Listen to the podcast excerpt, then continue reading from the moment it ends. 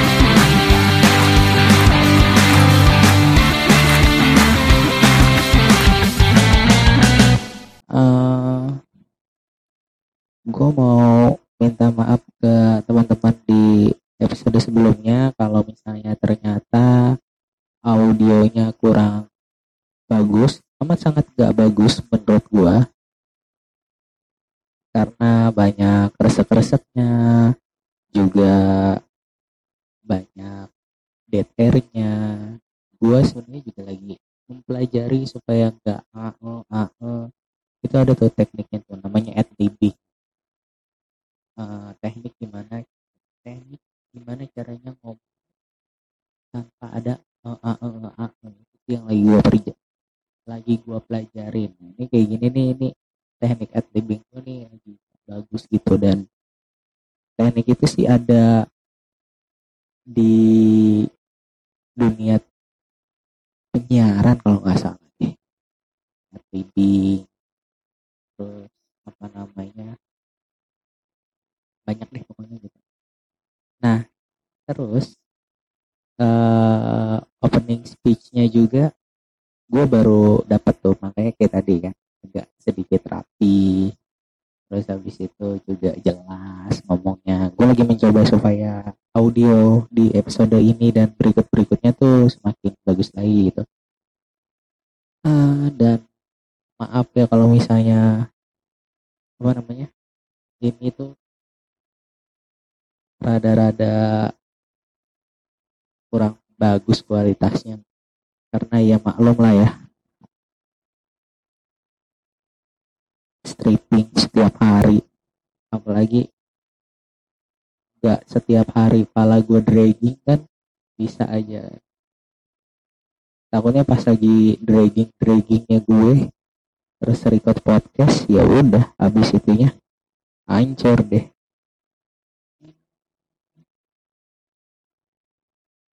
Pembahasannya lo tentang toxic friendship. Sebenarnya gue juga nggak tahu sih ini pembahasan akan gue bawa seperti apa ke depannya. Karena secara gue juga bingung mau ngebahas apa tentang toxic friendship. Ini tiba-tiba suaranya suka hilang-hilang gitu deh. Ini kalau misalnya gue lihat dari uh, monitor spektrum dari uh, apa namanya perekamannya nih naik turun naik turun tiba-tiba hilang. Gue nggak tahu deh coba nanti coba gue preview deh karena yang episode sebelumnya gak gue preview. Cuman kalau gue preview berarti kan harus ada inian ya. Apa namanya? Pengulangan. Agak repot sih. Tapi by the way ya pembahasannya adalah tentang toxic friendship. Seperti yang gue bilang di episode sebelumnya podcast ini scripted ada skripnya jadi gue masih coba membaca semacam kayak ini nih apa namanya? Prompter prompter sebenarnya sih bukan prompter ya kayak pointers gitu. Jadi gue udah bikin poin-poinnya gue udah dapet sekitar 5 episode. Nah untuk episode setelah kelima gue belum bikin karena gue bingungnya minta ampun. Jadi mungkin buat teman-teman kalau misalnya ada ide gue harus bahas apa lagi di episode ke-6 silahkan aja tinggalin di tinggalin komen di sosial media gue nanti gue kasih tahu di akhir apa namanya di akhir podcast di, di akhir podcast ini. Duh, parah banget sih gue ini teknik gue ngomong tuh masih kacau deh.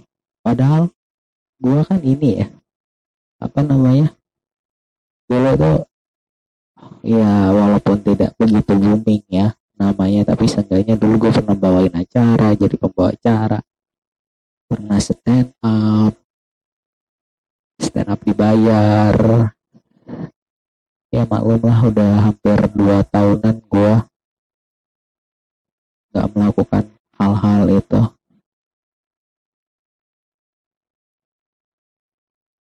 uh, gini mari kita mulai topik pembicaraan tentang pertemanan yang beracun.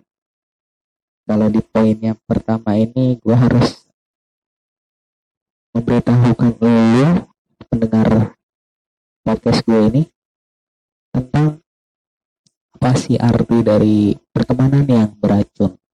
Buat gue, pertemanan yang beracun adalah sebuah circle di mana lu berada di tengah-tengah orang yang sangat amat beracun dalam artian lu tuh sering dibully, sering direndahkan, tidak pernah mendapatkan bantuan apa pun secara materi apa non materi pokoknya selalu membawa keburukan-keburukan yang ada di diri lu selama berteman sama dia. Ciri-cirinya yaitu tadi mereka sering ngebully lu merendahkan lu secara fisik secara motorik. Terus abis itu tidak pernah menghargai lu. Terus habis itu dia selalu ingin dimengerti tapi dia tidak mau di tidak mau mengerti kita. Dan pokoknya banyak deh hal-hal buruk yang lo terima selama berteman dengan orang-orang yang ada di dalam circle itu. Nah gue tuh pernah ya ada di dalam sebuah lingkaran pertemanan yang seperti itu.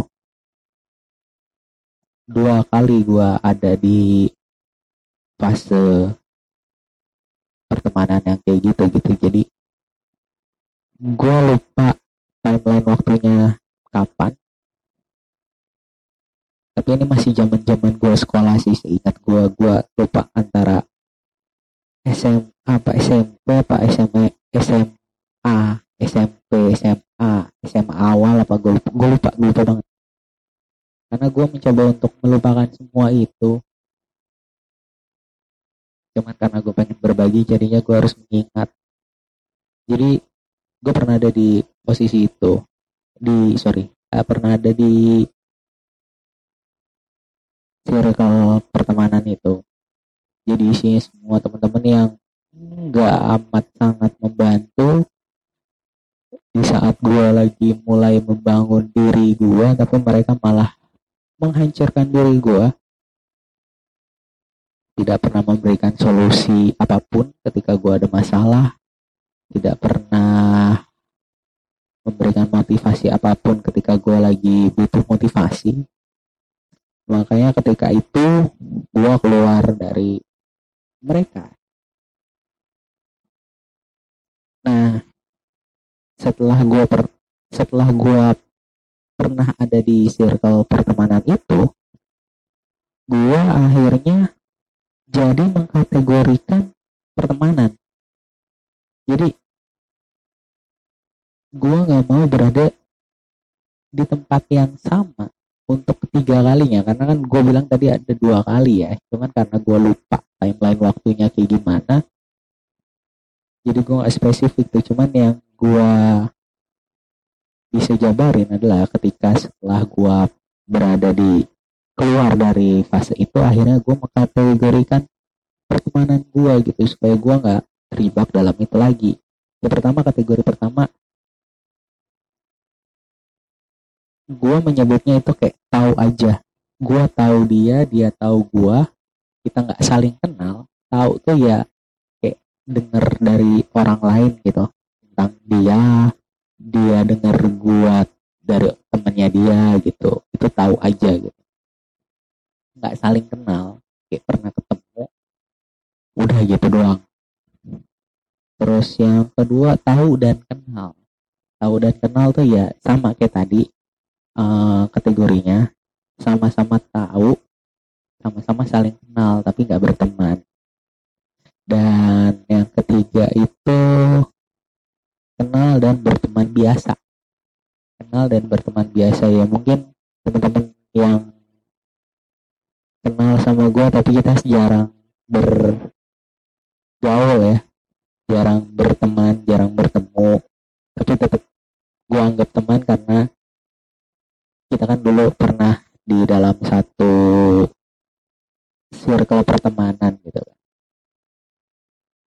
Ya kayak ibaratnya tuh ya temen TK temen SD yang dulu kenal di masa-masa itu tapi sekarang udah jarang ketemu itu teman.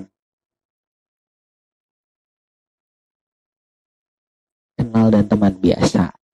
Berteman berteman adalah kategori yang selanjutnya di mana ya kita berteman.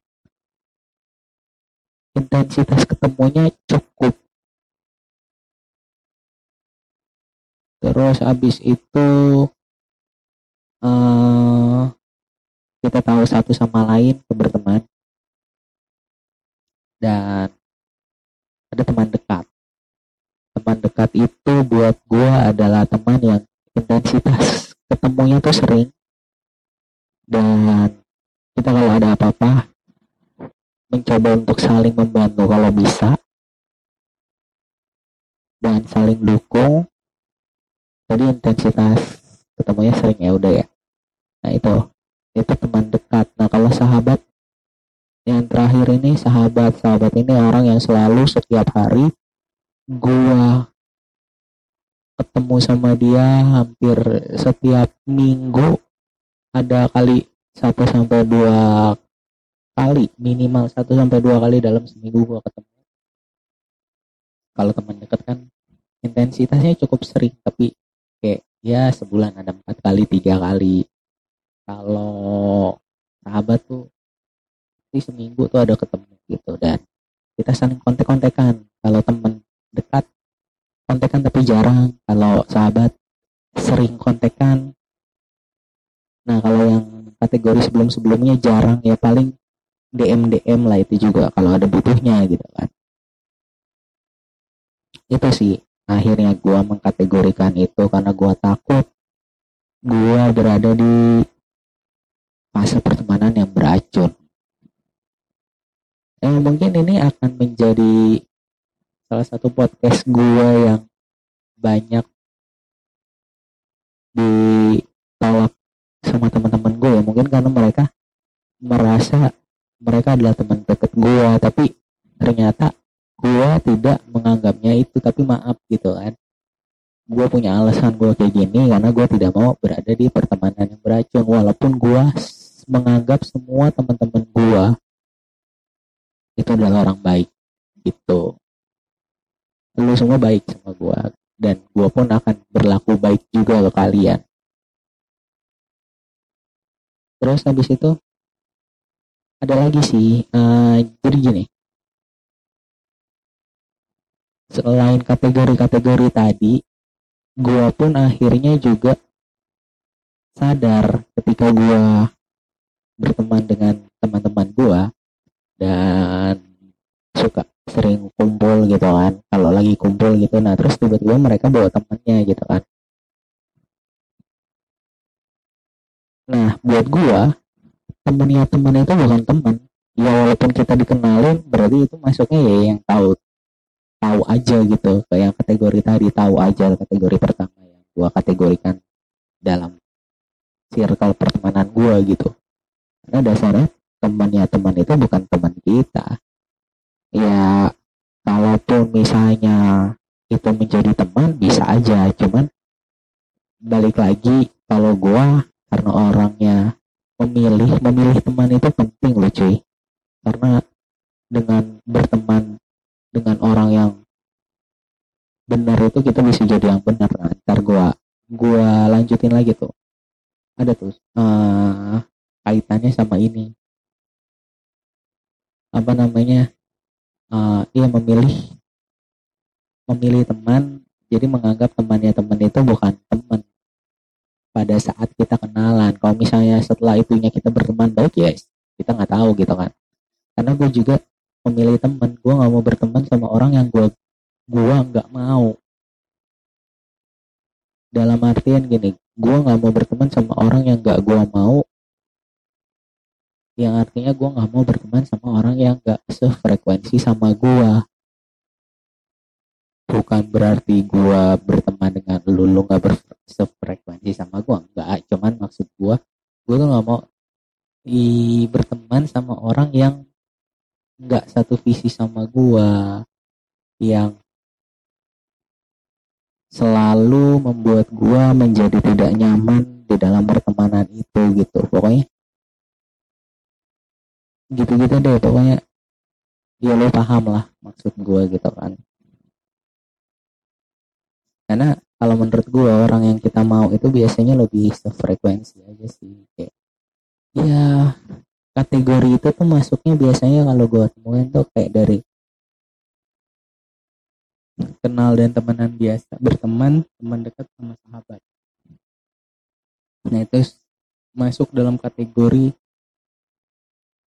orang yang gue berteman dengan orang yang gue mau. Dari ke berapa? Tiga empat. Yang gue ini ini kayaknya suaranya hilang-hilang ya. Ntar deh ntar gue preview lagi. Kalau misalnya itu ntar gue rapiin. Dan setelah gue pikir-pikir juga ya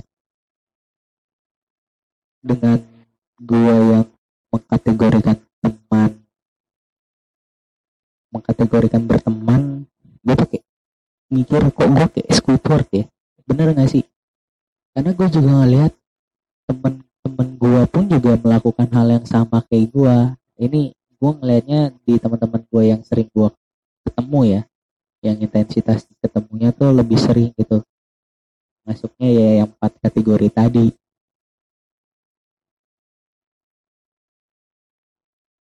kadang kita saling cerita gitu kan. Ini kita tuh kayak Squidward gak sih?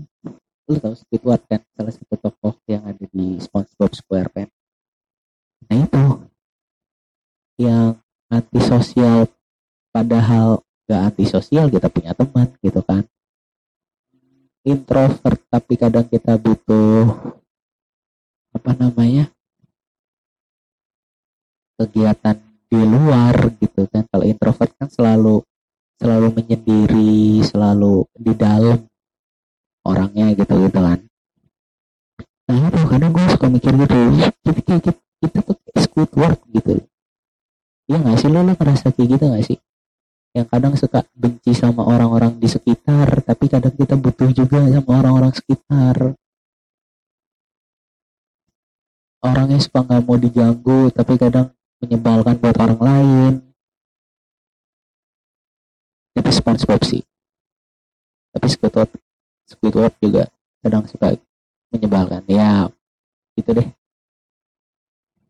Suka suka kadang berpikir kayak gitu. Iya nggak sih gitu kan. Iya dan tidak ya berarti ya. Karena gue tuh orangnya introvert parah sih.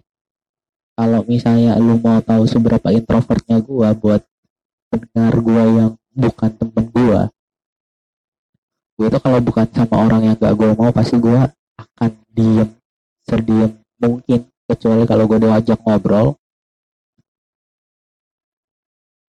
Dan kalau misalnya topik pembicaraannya yang gak gue banget gue pasti akan diem banget. Itu sih seintrovert itu gue dan gue tuh paling gak bisa berada di sebuah tempat yang sekeliling gue tuh lebih lebih dari lebih dari 10 20 orang. Kalau 20 orang masih ya so-so lah. Tapi kalau udah lebih dari itu kayak pusing banget gue ngeliatnya gitu. Kayak kalau lagi di jalan terus macet gitu kan. Kan sekeliling gue banyak tuh. Karena gue pakai motor kan. Terus lagi macet gitu kan. Terus di sekeliling gue banyak motor-motor lain gitu. Itu gue kadang suka pusing gitu saking introvertnya gue walaupun memang kalau dihitung-hitung temen gue banyak. Kalau misalnya gue dibilang antisosial ya karena kan introvert enggak sih enggak ya. Introvert itu enggak enggak enggak berarti dia antisosial lah. Ya enggak deh.